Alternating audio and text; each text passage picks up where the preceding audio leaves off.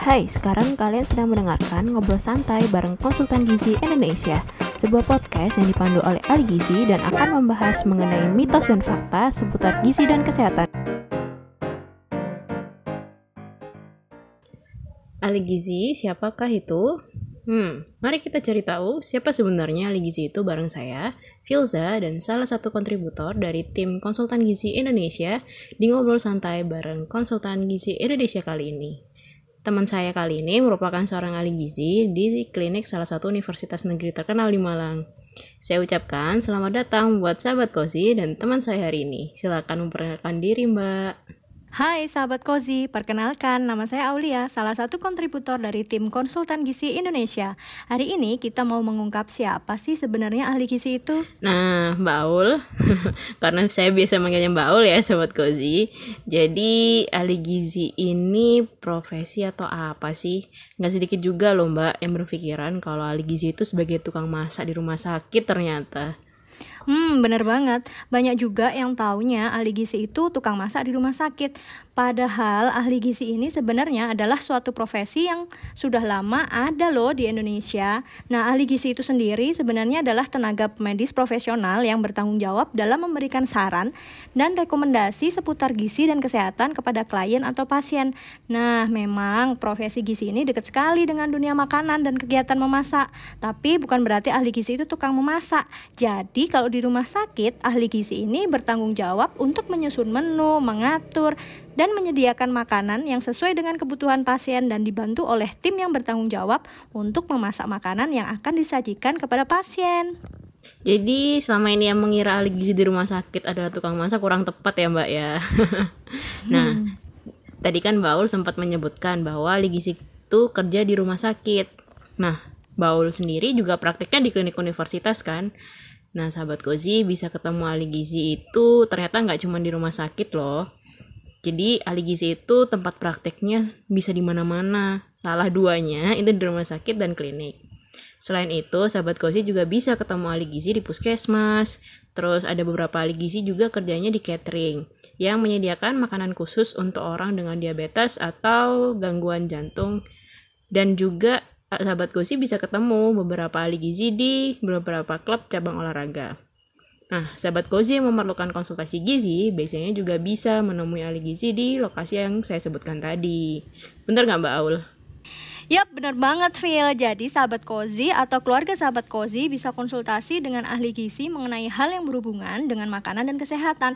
Nah, yang lagi rame nih sekarang tuh program untuk menaikkan dan menurunkan berat badan. Nah, bener banget. Atau kalau sahabat Kozi mau tanya-tanya seputar diet yang lagi hits zaman sekarang kan mbak, banyak banget tuh ya yang udah beredar. Informasinya di media sosial bisa banget tanya ke ahli gizi apakah diet tersebut sehat atau enggak. Atau kalau sahabat sih mau tanya diet khusus buat beberapa penyakit, misalnya ada penyakit jantung, diabetes, atau penyakit lainnya itu bisa tanya tuh kali nah, gizi. Nah, bener banget. Nah, sekarang nih juga lagi banyak mama mama-mama muda yang kece juga itu banyak pertanyaan nih gimana sih uh, biar anaknya mau makan. Nah, kayak gitu tuh bisa banget konsultasi ke ahli gizi. Selain keluhan orang dewasa mengenai makanan dan kesehatan, keluhan yang dialami ibu-ibu soal anaknya yang susah makan bisa juga dibantu oleh ahli gizi. Jadi, ahli gizi ini bisa membantu menyelesaikan keluhan makanan dan kesehatan di skala umur nih, Phil. Dari bayi sampai orang lanjut usia dari ibu hamil, ibu menyusui pun juga bisa. Nah, sahabat Kozi, kalau ada keluhan mengenai makanan kesehatan, silakan konsul di ahli gizi di sekitar tempat tinggal sahabat Kozi ya. Dijamin ahli gizi ini memang profesional dan ahli di bidangnya. Nah, Phil, nah sekarang nih banyak banget sahabat kosi juga yang bertanya-tanya nih, kalau konsul gizi itu ngapain aja sih? Apa sama ya kayak kita periksa ke tenaga medis lain? Nah, pasti ada perbedaannya, ya nggak, Phil? Kalau sahabat kosi mau konsul kali gizi, yang pastinya sahabat kosi nanti akan ditanyakan keluhannya apa seputar makanan dan kesehatan. Selain itu, nanti akan dilakukan pengukuran berat badan dan tinggi badan.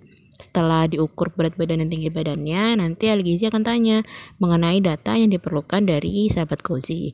Nanti ahli gizi akan memberikan informasi tentang masalah gizi apa yang sedang dihadapi oleh sahabat Gozi. Nah, betul. Nah, setelah itu ahli gizi nantinya akan memberikan rekomendasi dan saran bagaimana cara menyelesaikan permasalahan tersebut yang mana akan disesuaikan dengan kebiasaan dan aktivitas sahabat kozi tentunya. Saran dan rekomendasi akan disertai dengan contoh menu makanan sehari untuk sahabat kozi dan sahabat kozi pun juga akan dipantau oleh ahli gizi dalam jangka waktu yang sudah disepakati oleh ahli gizi dan sahabat kozi yang konsultasi. Jadi setelah konsultasi nggak selesai gitu aja ya mbak, masih dipantau oleh ahli gizi. Mantap sih, pelayanannya menyeluruh nih kalau di ahli gizi. Nah, benar banget.